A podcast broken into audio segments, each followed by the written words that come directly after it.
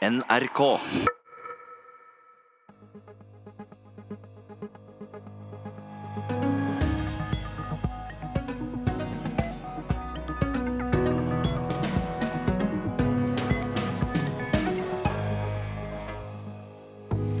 Anna Karenina, krig og fred, forbrytelse og straff, Måken, Kirsebærhagen, for ikke å glemme Tsjajkovskij, Bolsjoj-balletten og panserkrysseren Potemkin. Jo da, russerne de har satt dype spor etter seg i kulturhistorien vår. Men i motsetning til hva du kanskje tror, så er russisk kultur alt annet enn dyster. Jag etter skjønnhet eller jag etter intelligens, det kjennetegner autoritære regimer, men har du ballett og sjakk? Ja, da har du begge deler, og det har Russland. Og så har det film og musikk. Russlands største filmkomponist var også en pioner i elektronisk musikk. Kunst og kultur står på plakaten den neste timen. Og så kommer elvelos og kjentmann Tore Mentjärvi tilbake med reiseråd for deg som har lyst til å reise utenfor Alfarei, fallvei i Russland. Skippere på denne russiske skuta, det er Ellen Wesje Guttormsen. Og jeg, Espen Aas. Og vi skal snakke mer om eh, sjakk, eh, vi som eh, russerne også har et veldig kjærlig forhold til, men også som jo vi nordmenn i særdeleshet har trykket til vårt bryst de siste årene. Og Atle Grønn, mange kjenner jo deg her fra NRKs sjakksendinger, men du er også professor i russisk. Mm. Og hvor stor plass har sjakk i den russiske kulturen og for så vidt samfunnslivet? Ja, Da har jeg lyst til å starte med å sitere verdensmester Anatolij Karpov, som var verdensmester fra 1975 til 85. Han sa at for dette, nå er det fotball-VM. Han sa at fotball er noe ingen spiller, men alle forstår. Sjakk er noe alle spiller, men ingen forstår. Eh, og Det er kanskje å sette litt på spissen. Jeg tror nok russere også spiller fotball, men det sier litt om sjakkens rolle, da i hvert fall særlig i Sovjetunionen. Mm. Ja, hvordan får du et forhold til sjakk? Altså når, når begynner tilnærmingen for uh, et russisk barn, f.eks.? Ja, altså Sjakk er jo en del av allmenndannelsen. kan man si. Sånn som norske barn lærer å gå på ski og, og stå på skøyter, så lærer russiske barn å spille sjakk. Så hvis du møter en russer som sier han ikke kan sjakk, så, vil, så, så er ikke det sant. Altså Alle russere kan sjakk. Så Wysotskij, som vi hørte her, han kunne sjakk, eh, men, men han var ikke en, en, en sterk sjakkspiller. Men han hadde såpass stort forhold til sjakk at han tross alt skrev en sang om det. Mm. Så er, eh, jeg pleier ofte å sammenligne med at selv om man ikke er skiløper i Norge, så vet man hva blåsviks er. Og selv om man ikke er sjakkspiller i Russland, så vet man hva Karaljevskij gambit er, hva kongegambitten er. Så det er en del referanserammer da, man har fordi russisk, eh, den, sjakken er en del av den russiske kulturen. Men for å fortsette litt den sammenligningen du har begynt på, da, altså mm. våre vintersportstjerner mm. er jo megastjerner, ja. ikke sant? De er liksom blitt en sånn del av liksom, arven av det å være norsk. Hvordan er det med russiske sjakkspillere, da? Ja, altså, det, er, det er interessant. Jeg pleier å Altså, Ski og langrenn er så, så, stort i Norge i dag at jeg syns det kanskje er mer passende å sammenligne med lengdeløp og skøyter. Eh, lengdeløp og skøyter hadde storhetstid i Norge med Hjallis på 50-tallet, og så hadde vi Essene på 80-tallet. Eh, russisk sjakk hadde sin storhetstid med Botvinnik, som kalles patriarken i sovjetisk sjakk, på 50-tallet, og så hadde vi Karpov Kasparov på 80-tallet. Eh, og russisk sjakk hadde, altså den sovjetiske sjakken, ved oppløsningen av Sovjetunionen i 1991, så fikk man et, uh, et for så vidt et fall i interessen. Uh, men så har vi interessant nok fått et oppsving igjen da med Karjakin, som hadde VM-match mot, uh, mot, Magnus Carlsen i 2016.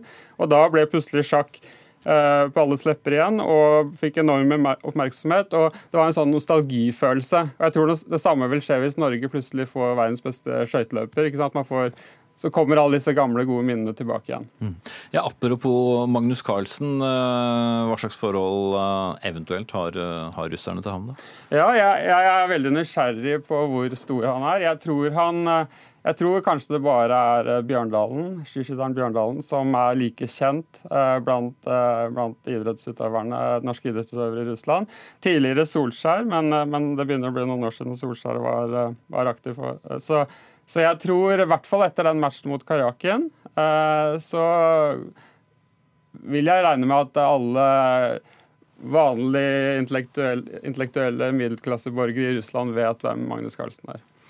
Men eh, tilbake til da, dette forholdet. De vokser jo da mye mer opp med sjakk enn enn det vi for så vidt uh, gjør her, selv om selvfølgelig mange nordmenn også kan spille. Hvis man da skulle møte, møte en russer, uh, vil det være klokt å, å foreslå et parti sjakk? Altså, jeg, jeg, hvis jeg tar drosje i Russland, eksempel, så, så begynner jeg ofte å snakke om sjakk. og da da sier drosjesjåføren nei, jeg er ikke noe spesielt eh, opptatt av sjakk. Men så, når samtalen går, så skjønner jeg jo at han kan jo masse sjakk. Så, så de, de, de, kan mye sjakk. Eh, og eh, det var en eh, nederlandsk stormester apropos spørsmålet ditt, det var en nederlandsk stormester på 1970-tallet som sa at eh, det var et mareritt å være i Russland, fordi enhver trikkesjåfør kunne jo mer sjakk enn ham. Det er å overdrive, men, men, men, jo, hvis du er interessert i god motstand, så ta gjerne et parti sjakk med en russer. Mm. Eh, Russland har en stor intellektuell middelklasse. Sjakk er intellektuelt, men eh, er det også noe man har brukt for å få ja, holde russerne i gang med noe? Det er jo som eh, noen mener at fotballen også startet ja. for å holde arbeiderklassen i sjakk. Ja, ja absolutt. Altså, jeg pleier å si at sjakken var, var opium for intelligensiaen. Den russiske intelligensiaen. Og det var noe som kunne som, som sovjetiske myndighetene visste å utnytte. Hvis du, hvis du klarte å sysselsette intelligensiaen med sjakk, så ville de kanskje ikke være like opptatt av politikk og, og bruke tida si på sånne ting. Og Samtidig så var jo da sjakken en måte å bygge, eh, bygge prestisjen til Sovjetunionen. Og vi så fra 30-tallet, 1930-tallet eh, og utover så, eh, så, skjønte Stalin betydningen av sjakk. Lenin var en sterk sjakkspiller. Mm. Stalin var ikke så sterk sjakkspiller, men han skjønte betydningen av eh, sjakk som propagandamiddel. Og de bygget jo da opp sjakken som et, som et våpen i den kalde krigen. Eh, da har vi sett på hvilken rolle sjakken har. Du blir med oss videre, Atle Grønn. Mm. Eh, men Russland er jo en kulturnasjon av de virkelig store, som vi sa i innledningen her. Tolstoy, Dostojevskij, eh, Tsjekhov. Og vi skal få flere gjester etter hvert som har nært forhold til både russisk teater, film, litteratur og kunst. Men vi må jo snakke om musikken. Wolfgang Plagge, komponist og pianist. Hvordan hadde musikkhistorien sett ut uten russerne? Todimensjonal, tenker jeg. Fordi eh, den russiske nasjonen har eh, opp gjennom århundrene egentlig tilføyd eh, lengde, dybde og bredde. I større grad kanskje enn noen annen europeisk nasjon. Vi har uh, satt deg ved et uh, piano, hvis vi skal kalle det et uh, piano, i, i, liten størrelse. Går det an å si noe om hvordan russisk musikk høres ut? Ja, altså russisk musikk er i sitt vesen opprinnelig veldig vokal. Og det henger selvfølgelig sammen med historien, hvor Mesteparten av eh, den noterte og lærte musikken kommer fra kirka. Og kirka har et, eh, gjennom historien et absolutt forbud mot instrumenter i Russland. Og Det betyr altså at eh, det ble en veldig sterk mangestemmig musikkultur som utviklet seg derfra. Så Veldig mange tror f.eks. at balalaikaen har vært med oss de siste par årtusen. ikke sant? Men den ble konstruert ved hjelp av den greske bozukien så seint som på 1700-tallet. Så det er ikke noen, ung, ikke noen, noen gammel eh, instrumentalkultur i Russland. Den er veldig vokal. Og språket er så vakkert. Det er lange ord, det er mange mulierte eh, bokstaver og alt mulig, slik at du får altså en veldig, veldig sterk og fin type bruk av hele munnen på en måte når du snakker russisk. Og eh, det gjenfinner vi i musikken. Så det finnes et par veldig interessante, spesifikt russiske fingeravtrykk i musikken. Det ene som jeg pleier å anføre som det viktigste, er den fallende kvarten. Og det er altså kort og godt Hvis man gjør det så enkelt som bare å ta det ned til kvarten, er det bare sånn. Og det er selvfølgelig ingenting. Men når man setter den sammen f.eks. med Kommer den der. Og det er noe som umiddelbart tilfører eh, russisk musikk sin russiskhet. Her kunne vi kanskje gjort, eh, altså i Norge Eller Men på russisk er det umiddelbart. Og det finner vi overalt.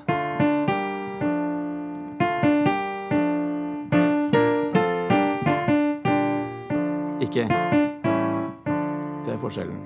Så den helt spesielle veien via kvarten tyder som nesten alt annet i, gresk, i, i russisk sivilisasjon på en gresk bakgrunn. Eh, grekerne elsket tetrakorder, altså firetonersbaserte eh, fallende musikkvendinger.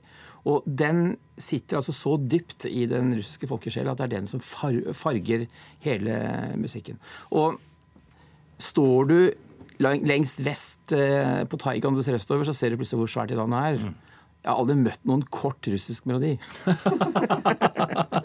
Men hvis vi skal gå over til eh, navn som kanskje noen kjenner godt til, og i mindre grad, altså hvilke store komponister er det man skal da må trekke frem når man snakker om eh, russisk Skal vi holde på to eller tre timer? Hva er de aller største? Går det an å uh, Altså, for meg er putte det inn i sånt format? For meg er de fire største Glinka, Tsjajkovskij og Prokofjev og Sjos- Sjostakovitsj, men det er så mange andre. Mozorski f.eks. Eh, mange av de litt mindre kjente komponistene i nyere tid. Jeg elsker f.eks. musikken til eh, Alfred Schnittke, som har et tysk navn, men er russer. Og som også var en eh, meget betydelig mann når det gjaldt eh, filmmusikk. Sjostakovitsj hadde også en bakgrunn som filmkunstner. Det hadde Prokofjev også. Um, typisk for eh, russisk musikk er um, den tette bindingen til folket. Eh, hvis man da hører deg snakke om dette nå, og så blir man nysgjerrig, og så hører man jo at det er en sånn katalog som er nærmest uendelig. Går det an, går det an å finne, hvor skal man starte hen? Hvor begynner man? Hvordan skal man lytte seg inn for å forstå russisk musikk? Jeg tror det viktigste man kan gjøre, er å forsøke å forstå umiddelbart at russisk musikk alltid har noe på hjertet. Altså, det er veldig sjelden at musikken bare er musikk. Den har nesten alltid en eller annen historie å fortelle. Er man interessert i historie, er man interessert i eh, flerlagskunst, så ville jeg vært så vulgær at jeg ville starta med Tsjajkovskijs 1812-overtyre. Altså. Rett og slett. Og så Hvorfor er du vulgær? jo, altså Hallo, altså går du på konsert, så forlanger du ikke vanligvis å bli bombardert med kanoner og klokker og alt mulig, ikke sant? Men, men det er noe med det verket som forteller en historie som ikke bare toucher innom det rent menneskelige eh, dramaet om krig og fred. Det handler om nasjonal krig, det handler om nasjonal fred, det handler om selvforståelse. Og så handler det rett og slett om eh, synergier i vise forstand. Altså 1812-overtyren eh, ble skrevet i forbindelse med en eh, ikke helt uvesentlig eh, kirkeinnvielse midt i Moskva. Den opprinnelige eh, store hvite katedralen som ligger rett ved Kreml, den eh, sto ferdig på 1890-tallet. Og i forbindelse med den eh, innvielsen så klemmer altså Tsjajkovskij til med klokkespill og gud veit hva, for å få hele byen til å gå bananas. Og de klarte den jo også, ikke sant. Så eh, dette er en, en, en grafisk form for musikk som eh, Start med 1812-overtyren, gå videre med Tsjajkovskijs eh, femte, sjette symfoni, gå inn i Leningrad-symfonien til Sjostakovitsj, femte symfonien til Prokofjev. Og så ikke tro at det er så skummelt med klassiske orkestre. Det går veldig bra. Eh, Hvordan har eh, russerne klart å påvirke musikken utenfor sine landegrenser? da? For Vi snakker jo gjerne om at eh, på et eller annet tidspunkt så mm, var det ikke noe mer kulturell eksport, men kanskje ikke ser godt nok? Det er mye å si om det. Ehm, Det russiske lynnet, i den grad man kan snakke om det, er preget av to verdensdeler. Minst. Og ehm, det uutgrunnelige smilet man ser også hos f.eks. dagens Putin, ikke sant? det skaper alltid usikkerhet i vest. Det uutgrunnelige smilet har du også i musikken. Når en eh, komponist som Prokofjev f.eks. sier at eh, mange ganger er en spade en spade, så sier han ikke alltid. Og det betyr i praksis da også at eh, vi umiddelbart må spørre oss Men eh, ja, og så? Og så har man beredt grunnen for noe som umiddelbart handler om sjakk. Du gir ikke fra deg dine S. Du gir ikke alltid fra deg dine hensikter hvis du kan unngå det. Eh, bring deg igjen, og Atle Grønn. Hvilken plass har da den klassiske kunsten i det russiske samfunnet? Er det liksom sånn forventet? For det kan nesten høres sånn ut at, at man skal vite om alle disse store klassikerne? Ja, jeg har bare lyst til å, kommentere dette siste med Plakofjev her, og hvor du trakk inn sjakkflagget. Mm. det ante meg. fordi, jeg tror kanskje jeg vet én ting om russisk musikk som kanskje ikke du vet, nemlig at Plakofjev i 1937 spilte den store sjakkmatchen for å avgjøre hvem av de store kunstnerne som var den beste sjakkspilleren. Og dette var store saker. Og motstanderen var fiolinisten Oystrach. Eh, det var én annen potensiell motstander som kunne også kjempe om den tittelen, og det var Sjostakovitsj. Sjostakovitsj hadde nemlig spilt mot uh, verdensmester Aljochin uh, før Aljochin emigrerte til Frankrike etter revolusjonen. Men uh, det var altså Prakofjev og Oistrakh som utkjempet denne store duellen.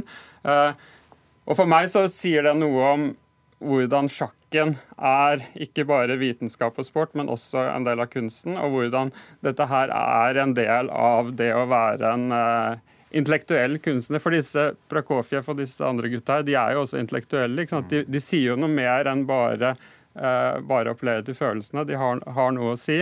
Uh, og Sånn sett så er de også intellektuelt nysgjerrige og blir sterke sjakkspillere. Og dette er sjakkspillere på høyt nivå. Senest eh, i dag morges så gikk jeg gjennom partiet mellom Prakofjev og Oystrach. Og da snakker jeg ikke om musikkparti, men sjakkparti. Ja.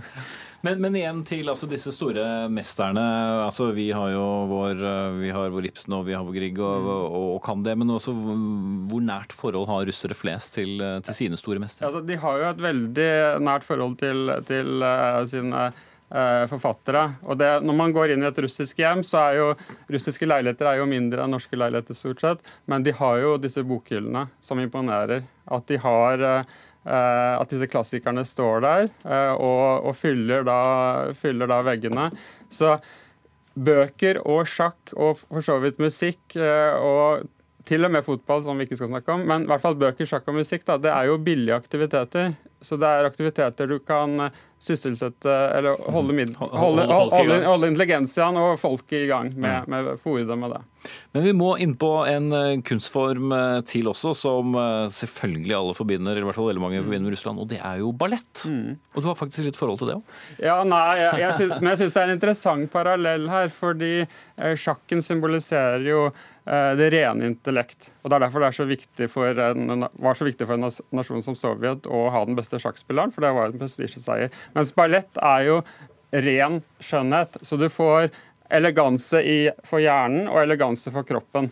Og det er klart at Hvis eh, en, eh, et prestisjeprosjekt som Sovjetunionen kunne da fremskaffe de beste ballettdanserne og de beste sjakkspillerne, så hadde de lyktes på eh, å forene eh, ånd, og, og, intelligens på den ene siden og skjønnhet og kropp på den andre siden. Og det, ingenting blir jo bedre enn det. Mm. Vi skal overlate eh, etteren litt til deg straks, eh, Wolfgang Plagge. Og du skal spille for oss, men bare spørre deg veldig kort før du gjør det. Hva slags forhold tenker du at russerne har da til alle disse fantastiske komponistene? De har et uh, irriterende selvfølgelig forhold til det. Fordi det er en så, så endemisk del av deres liv. Uh, både stormestere innen uh, litteratur, musikk, ballett, idrett og sjakk, selvfølgelig. Det er en så endemisk del av måten man tenker på, måten man snakker på, måten man utveksler understatement-humor på, at det er nesten helt rart. Altså, biter vi oss eh, som eh, rasjonelle vestlige borgere ofte merke i en ganske oppsiktsvekkende grad av mangel på praktisk sans. Og det har jeg etter hvert lært meg å skjønne at eh, mer feil kan vi jo ikke ta. Mm. Da skal du få lov til å spille oss ut av denne seansen, før vi skal over og snakke mer om litteratur og film. Mm. Og Der kommer nettopp en av de mest kjente russiske folkesangene, som har inspirert mengder av russiske komponister med Den falne kvarten.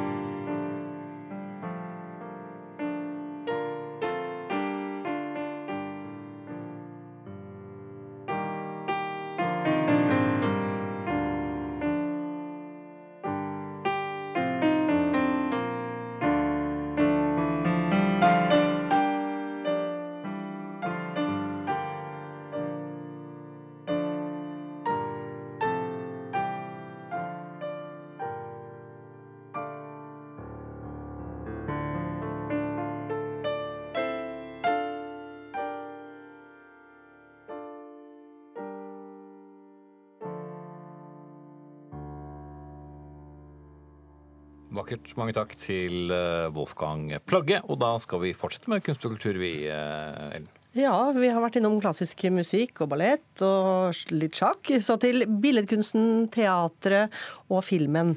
Eh, men først litteraturen. Hanne Tømta, du er teatersjef ved Nationaltheatret. Hvorfor valgte du å studere teater i Russland, av alle steder? Det første åpenbare svaret på det er jo at jeg ikke kom inn på Statens teaterhøgskole i Oslo. Eh, eh, men eh, det hadde seg sånn at jeg hadde da gått på Katta på videregående og hatt en helt fantastisk lærer. Som katedralskole Oslo katedralskole, ja. Som het Iva Magnus Ravnum og hadde hatt russisk som C-språk. Og jobbet litt som bud på Oslo Nye. Og plutselig så så jeg muligheten for å kombinere drømmen om å jobbe i teater med den lille russiskkunnskapen jeg hadde. Og så reiste jeg til St. Petersburg. Mm. Og det er jo mange å ta av her.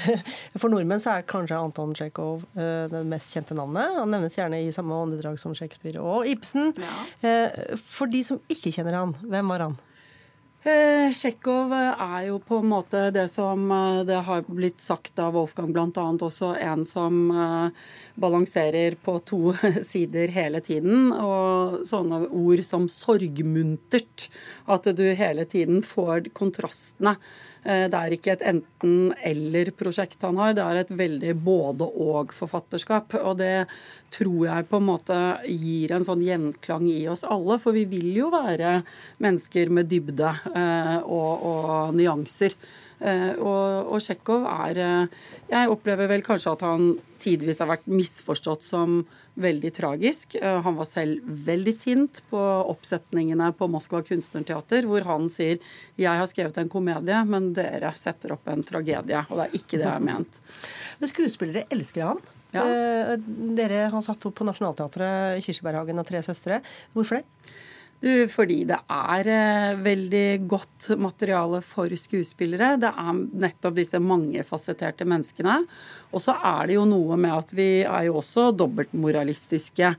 Eh, noen av oss, i hvert fall. da, Sånn at eh, man har jo ideer og tanker og drømmer om ting man vil gjøre og utføre. Men så ender vi ofte opp med å bli kanskje sittende i en sofa eller være litt passive. Og, og, og jeg tror på en måte den den delen av oss er det litt befriende å, å få eh, presentert. Da. Mm. Ved siden av Tsjekhov, hvem vil du trekke frem?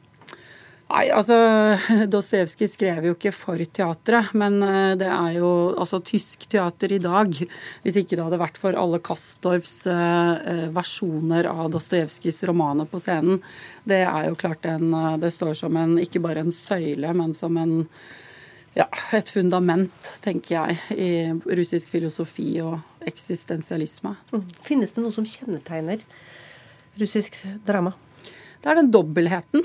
Ting er ikke bare det det gir seg ut for ved første øyekast. Det er alltid mer.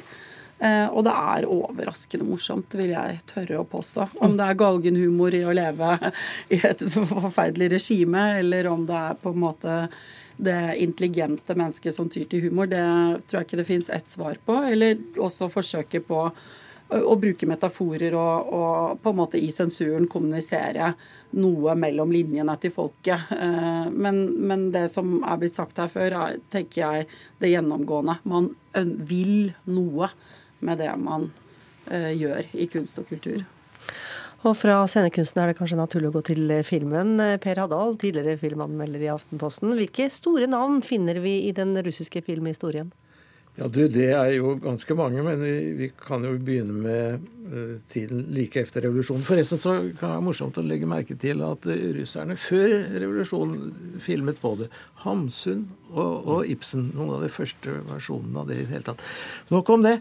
Um, under, under revolusjonen så så sa jo, sa jo, Lenin at for oss er filmkunsten det viktigste av kunstarten. Og han sendte jo ut for å drive propaganda, altså Agit-tog. Altså, altså, eh, tog med, med filmvisning hvor filmopptakene gjøres. Kunne spille teater derfra osv. Og, så og, og båter. Og så hadde de Agit-kino, altså agitasjonskino. Uh, og her var det mange begavede kunstnere som kom inn sånn rundt 1920 omtrent. og og, og, og, skulle forsøke å bidra til å skape revolusjonsbegeistring. Det var dårlig med, med filmmateriale. Sånn, så de, de, brukte, de, de, klipp, de, tok klipp, og så satte de sammen klippene på nye måter. Akkurat som, akkurat som det skulle være eh, altså Nå var det gamle systemet slått i stykker og lå i biter. Så tar vi bitene og setter det sammen på en ny måte. Mm. Var det spiren til kryssklippingen, dette da? Spiren til kryssklippingen og til montasjen. Mm. Altså F.eks. da at, eh, at, man viser bilder av streikende arbeidere. Og på neste bilde så viser man et slaktehus, for det slaktes. Eh, og så skal vi selv trekke konklusjonen, ikke sant? Det er jo tese, antitese, syntese. Mm. Eisenstein Serga Eisenstein fra Riga var en av de, de fremste med panserkrysseren Tomkin, som jo drev hardt med, med, Det var jo propaganda, det var jo begeistring de hadde for, for, dette her. Men det var jo i realiteten propaganda. Man skulle, man skulle da mm, fortelle en analfabetisk befolkning kanskje på landet om, om den nye, nye, tid. Og, og eh, ville da også gå veien, ikke veien gjennom hjernen, men rett i hjertet via følelsene. Og ganske dramatisk eh, kryssklipping, særlig i den Ganske dramatisk. Ganske. Hva kan du si om nyere russisk film, da? Eh, etter jernteppets fall? Jo, eh, der er det jo veldig mange forskjellige som, eh, som peker seg ut. F.eks. Andrej Tarkovskij særlig, som var et, et, et stort, stort, navn. Ingvar Bergman har sagt om han at Tarkovskij hadde nøkler til rom som ingen andre er kommet inn i. Han skapte et nytt filmspråk, sier Bergman, som fanger inn livet som en speiling, som en drøm, den største av alle filmkunstnere. Han syntes at Eisenstein var en manipulator. Og lot, Eisenstein lot ikke folk få spille sine egne erfaringer mot det som skjer på, på lerretet, men dikterer dem hva de skal mene og føle og, og, og tro.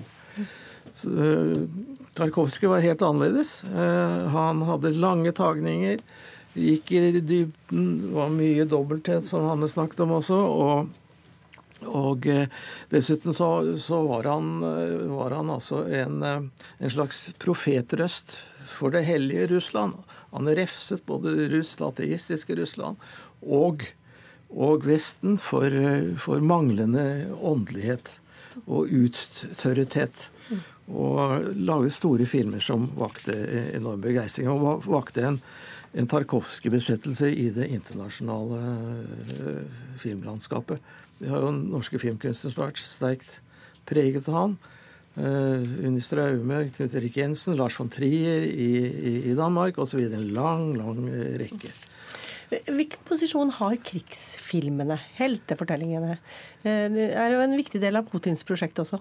Ja da, det, det, det er det. Og det, det, er jo den store fedrelandskrigen. Og det er vel kanskje også en av grunnene til at eh, f.eks. denne nye britiske satiriske filmen om eh, Stalins død ble forbudt. For da rørte man jo ved, ved selve grunnprinsippet. Grunn, grunnprinsippet. Og, så det er en, en enormt stor del av det. Og det er gjerne også store produksjoner.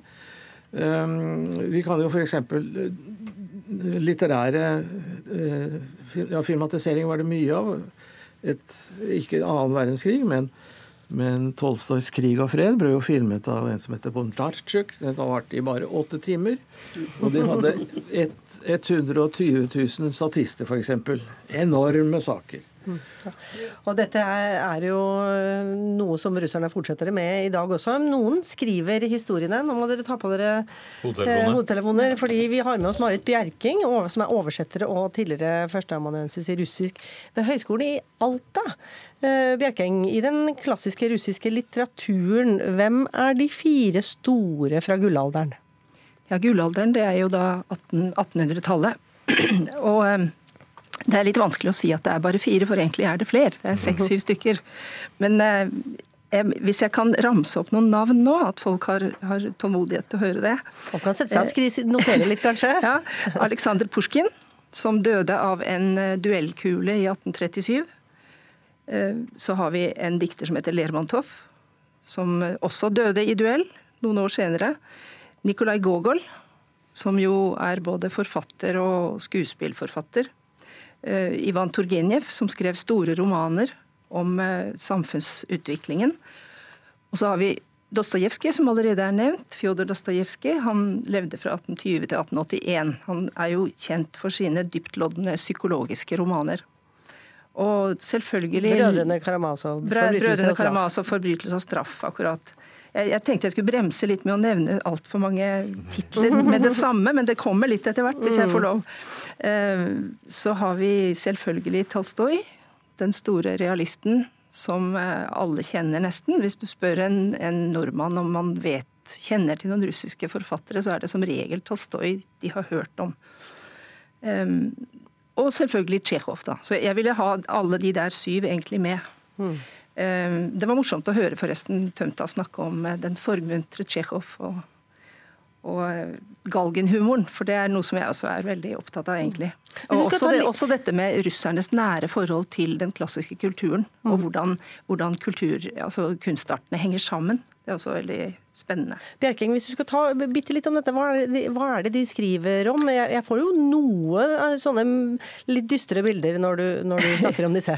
ja, altså De skriver jo om alt mulig, egentlig. De skriver om store samfunnsspørsmål, om urettferdighet, om livegenskapet. ikke sant? Uh, urettferdighet, maktmisbruk og korrupsjon. Alt mulig veldig aktuelle temaer, faktisk. Krig og fred og politisk opprør. Og så er de svært opptatt av etiske spørsmål. Altså ulikhet, kjærlighet og svik, skyld og soning, samvittighet. Uh, sjelen. Altså, men vi møter jo i den russiske litteraturen øksemordere og utro kvinner og trofaste hustruer og korrupte embetsmenn og slue svindlere og altså, alt man kan tenke seg, egentlig. Men uh, de store spørsmålene i russisk klassisk litteratur, det er jo to som kom inn midt i, i århundret. Hvem har skylden, og hva må gjøres? Mm. Og russerne har tradisjonelt liksom søkt hos forfatterne for å finne svar på hva man skal gjøre med livet, hva man skal gjøre med, med samfunnet. Sånn at Den russiske litteraturen den er veldig preget av en, en sannhetssøken. egentlig En, en diskusjon av hvordan vi skal leve her i verden. Men, men, ikke så veldig dyster nødvendigvis alt. Det er uh, mye absurditeter og, og, humor også? Ja, det syns jeg det er. Altså, nå hadde jeg egentlig lyst til å fortelle litt konkret hva folk har skrevet om. da. Uh, men uh, jeg vil ikke bruke ordet dyster, altså. Absolutt ikke. For det, det, jeg finner typisk for denne klassiske litteraturen, det er at den er veldig, den er veldig vektig. Altså, den er tungtveiende, men den er også glitrende og livlig og humoristisk, ikke minst. Og hvis man ser på noen verk som er veldig kjent, hvis jeg kan nevne noen få verk, så alle kjenner jo Eugen Onegin fra operaen. Um, Evgenia Negin, som jo er en På scenen blir en kjærlighetshistorie, men den handler jo også om livet på landet, livet i Russland, i byene, på, i begynnelsen av 1800-tallet. Eh, med humor og med satiriske kommentarer fra den geniale Pushkin. Eh, Spar dame, en fortelling som også er blitt til opera, som jo handler om spillegalskap og pengegriskhet. Eh, hos Gogol så finner vi mer sånne absurde trekk og overnaturlige trekk. Men han er jo utrolig fascinerende forfatter. Eh, vi rekker jo ikke å ha alle her. Nei, jeg skjønner det. Dessverre. Vi, vi, kunne holdt på mye lenger. Vi har snakka om eh, gullalderen i russisk litteratur, men det finnes også en gullalder i russisk kunst. Eh, gjør det ikke? Spørsmålet går til deg, kunsthistoriker og kurator ved Munch-museet i Oslo, Kari Brandtzæg. Ja, det fins flere gullaldre i, i russisk kunst, vil jeg si. Og nå var vi jo inne på her med litteraturen, dette sannhetssøkende. Og den første gullalderen, som, slik jeg vil definere det, kom med vandrerne, eller peredvitsjniki, som skulle ut på landsbygda. De brøt med de klassiske, vakre idealene. Man skulle finne sannheten. Man skulle skildre den sosiale urettferdigheten. Så det skjer jo veldig mye, eh, mange parallelle ting, både innenfor litteratur og billedkunst. Og også etter hvert eh, i filmen, da, som blir veldig viktig for den russiske avantgarden, som da kommer senere på 20 30-tallet. Som jo er kanskje mest kjent uh, i Vesten, for å si det sånn, da. Mm. Er det noen fellesnevner? Er det noen, sko er det noen skole? Hvilket uttrykk er det viktigste? det er jo en form for realisme og som er man kan si er veldig sånn rød tråd gjennom den russiske kunsten og et sånt forhold til det litterære. Eh, men med den russiske avantgarden så forsøker man jo også liksom å bryte med dette her. Og man skaper jo disse mer modernistisk abstrakte verkene, sånn som Kasimir Kazimir Malevitsj 'Det svarte kvadrat', som har blitt et veldig stort ikon. Eh, i eh, en vestlig eller i den internasjonale kunsthistorien. Men den har også en åndelig dimensjon. altså Dette her med det realistiske og det åndelige det på en måte går liksom på kryss og tvers mm. i russisk kunst. Jeg merker vi har liten tid her nå. Det at eh, politikken og kunsten har vært så nært knytta i Russland, hvilke konsekvenser har det hatt på godt og vondt?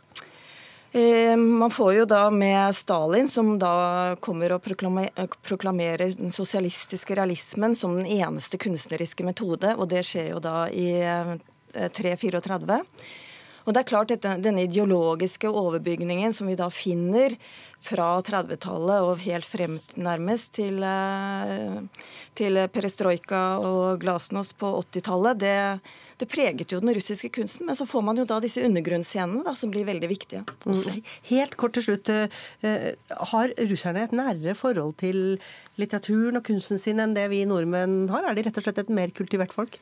Ja, slik jeg har opplevd, eh, opplevd det, og også jeg har jo bodd sammen med Hanne i Russland. Det er klart, altså, det er helt uh, utrolig uh, mye kunnskaper de har som uh, det er sterk grad av dannelse. Mm, nå skal vi hjem og, og, dykke inn i litteratur og kunst og film og, og, og det, det, meste av russisk kultur. Takk til dere, Kari Brandtzæg, Marit Bjørkeng, Per Haddal og Hanne Tømta. Og eh, det har kommet nyheter når det gjelder VM underveis i dag også. For den spanske landslagssjefen Holén eh, Lopetegi har fått sparken, og det dagen før VM er i gang altså. I går ble han annonsert som ny trener for Real Madrid, og det har også ikke falt i god jord hos det spanske fotballforbundet. Spania spiller mot Portugal i sin første VM-kamp eh, i VM nå på fredag, og det er dermed uklart hvem som tar over som landslagssjef. Da skal vi legge ut på tokt, vi, og vi har fått tilbake i studio, studio snarere. Tore Mentivjärvi, du ble jo, som vi tidligere hørte, kjent for mange nordmenn som da elvelos og kjentmann for herrene Rune Gokstad og Øystein Bakke, NRK. Men eh, du kjenner jo landet godt. Og hvis jeg da som turist nå skulle f.eks.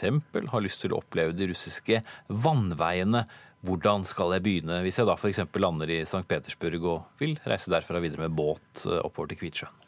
Ja, altså da er, jo, da er det jo en fantastisk reise du har foran deg.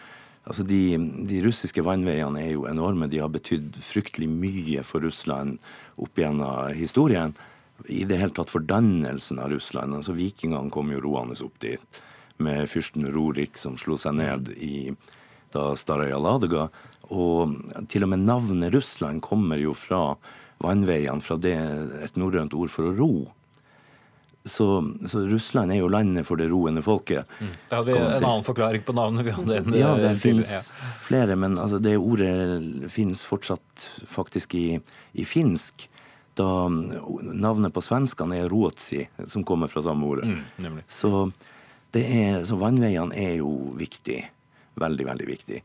Så hvis du lander i St. Petersburg, så kan du jo ta deg litt opp langs elva Njeva til passasjerski port, altså passasjerhavna. Der går det cruisebåter til mange forskjellige destinasjoner langs vannveiene. Nå har jo jeg reist der med, med norske seilbåter tre ganger faktisk på den ruta du, du nevnte. Og, og det, er jo, det, er jo, vel så spennende. Da kan du gå i land hvor du vil og, og møte folk på veldig spesielle steder. Må du ta ned masta, da? Nei, der er broer og sånt som mm. åpner seg. Det er rett og slett forskjellige Du må av og til bestille broåpning et par døgn i forveien og sånn. Det er en kunst å komme seg frem. Ja, for det må litt planlegging til hvis man først skal ut og reise? Ja, det er ikke gjort på fem minutter, men det meste ordner seg hvis man bare gjør, gjør forarbeidet. Fra St. Petersburg så er det jo Det første man har, er jo elva Njeva, som renner ut fra Europas aller største innsjø, Ladega. Og hvis man tar seg oppover der, så er jo det første man kommer til, det er Slisselborg. Slisselborg er ei øy som ligger midt i utløpet av Njeva. veldig strategisk, sånn at du må være venner med de som har den festninga, hvis du skal komme inn i det russiske innlandet eller ut til havet. Peter den store erobra den fra svenskene i 1703. Og det er en fantastisk festning å besøke. Absolutt verdt et stopp på, på veien. Litt mer moderne historie er jo at Aleksandr Oljanov da i 1887 ble, ble, hengt der ute. Det er jo en stygg historie. Mm. Det var da broren til en kar vi kjenner som Lenin. Og det var nok en av hendelsene som gjorde han så radikal som han ble. Så den, den festninga har vært viktig i russisk historie i all mulig tid. Det, under andre verdenskrig var den særdeles viktig for, da i forsvaret av Leningrad. Det var fryktelig harde kamper der for å holde veien ned Njeva og inn til St. Petersburg åpen, så de kunne få inn mat og ammunisjon og det de trengte for å stå imot beleiringa. Men hva, hva, er det som møter deg da, når du først er, eh, er, er i gang på vannveien? Nei, hva som møter deg, det er jo Det er jo en, en fantastisk følelse. Altså det, man glir fremover på vannet gjennom bebyggelsen, gjennom det historiske St. Petersburg, er jo, er jo aldeles ufattelig vakkert. Hvis du kommer i seilbåt, så er det på natta du må gå når de åpner broene. Og det historiske sentrum er jo opplyst. Og å dra gjennom der en, en sommernatt i da St. Petersburgs såkalte hvite netter, det er en opplevelse man absolutt aldri glemmer. Da må du ha vodka med deg. Nja, man skal helst ikke ha det i fart på båt. Nei. Det, blir ankerram. Ja, det tar man når man ankrer. Mm. Rekkefølgen på når man er i fart og når man tar ram, har ganske mye å si for utfallet. Mm, ja, kan man si. Men det er en historisk reise. Du er ja, midt i historien der. Helt fantastisk. Mm. Da, da, ser du Russlands historie på, på så mange måter. Hvis vi reiser videre, hva ja, videre, da har, du jo, har du jo Ladoga. Det er jo en enorm innsjø. Det er jo som sagt Europas største. Og den kan være ganske tøff. Den har senka veldig mange båter.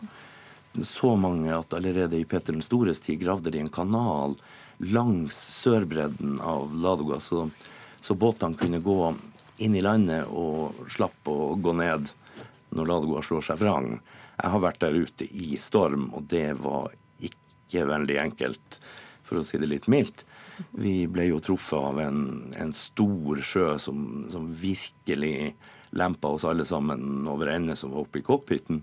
Og når vi så vidt fikk gravd sjøen ut av øynene, så hører vi fra nedenunder Per Tore så roper opp at 'Dæven, gutta, der kom Astra løs'.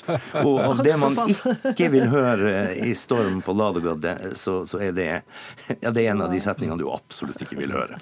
Jeg ser at klokka løper her, så vi har ja. halvannet minutt igjen av, av reiseruta. Så du får være rask med oss. Videre fra Ladoga kan man jo da reise opp elva Svir til Onegasjøen, som er også da Europas nest største innsjø. Der har man Petrosavotsk, Kiji-øyene med et fantastisk da, slags sånn folkemuseum med, med russisk trearkitektur. Derfra så drar man jo opp til Kvitsjøkanalen. 19 sluser som tar deg 109 meter over havet og ned igjen til Kvitsjøen. Den er bygd av straffanger. En helt forferdelig historie. Den ble åpna i 1933. Det var Stalins prestisjeprosjekt. Det er en veldig fascinerende opplevelse. Derfra så kan man jo dra til Solovki, som er ei øygruppe i Kvitsjøen, hvor det har vært kloster siden 1400-tallet. Og der er, jo, der er det jo paradisisk, og det er umulig å se for seg at det var Sovjetunionens første straffeleir. Første sånn fangeleir. Og det var fangene derfra som bygde Kvitsjøkanalen.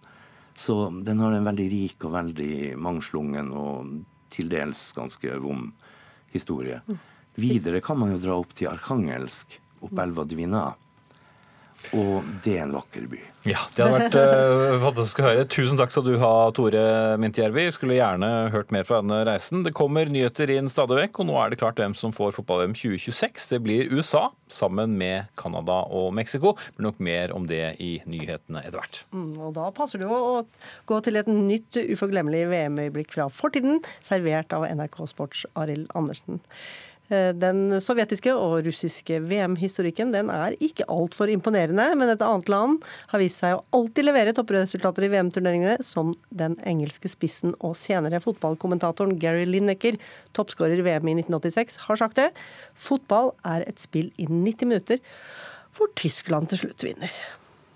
Det var kampen som hadde alt. Elegante franske publikumsfavoritter anført av Michel Platini mot den tyske fotballmaskinen med Paul Breitner og Karl-Heinz Rummenigge. En kamp som alle som så den direkte, enten på TV eller på stadion, ikke kan glemme. Den nye tyske stjernen Pierre Litbarski gjorde 1-0. Frankrikes langhårede ving Dominique Rocheteau sørget for straffespark som Platini satte inn 1-1 etter ordinær tid. Frankrike hadde spilt publikumsvennlig fotball gjennom turneringen og var på offensiven. De skåret to drømmemål i ekstraomgangene og ledet 3-1.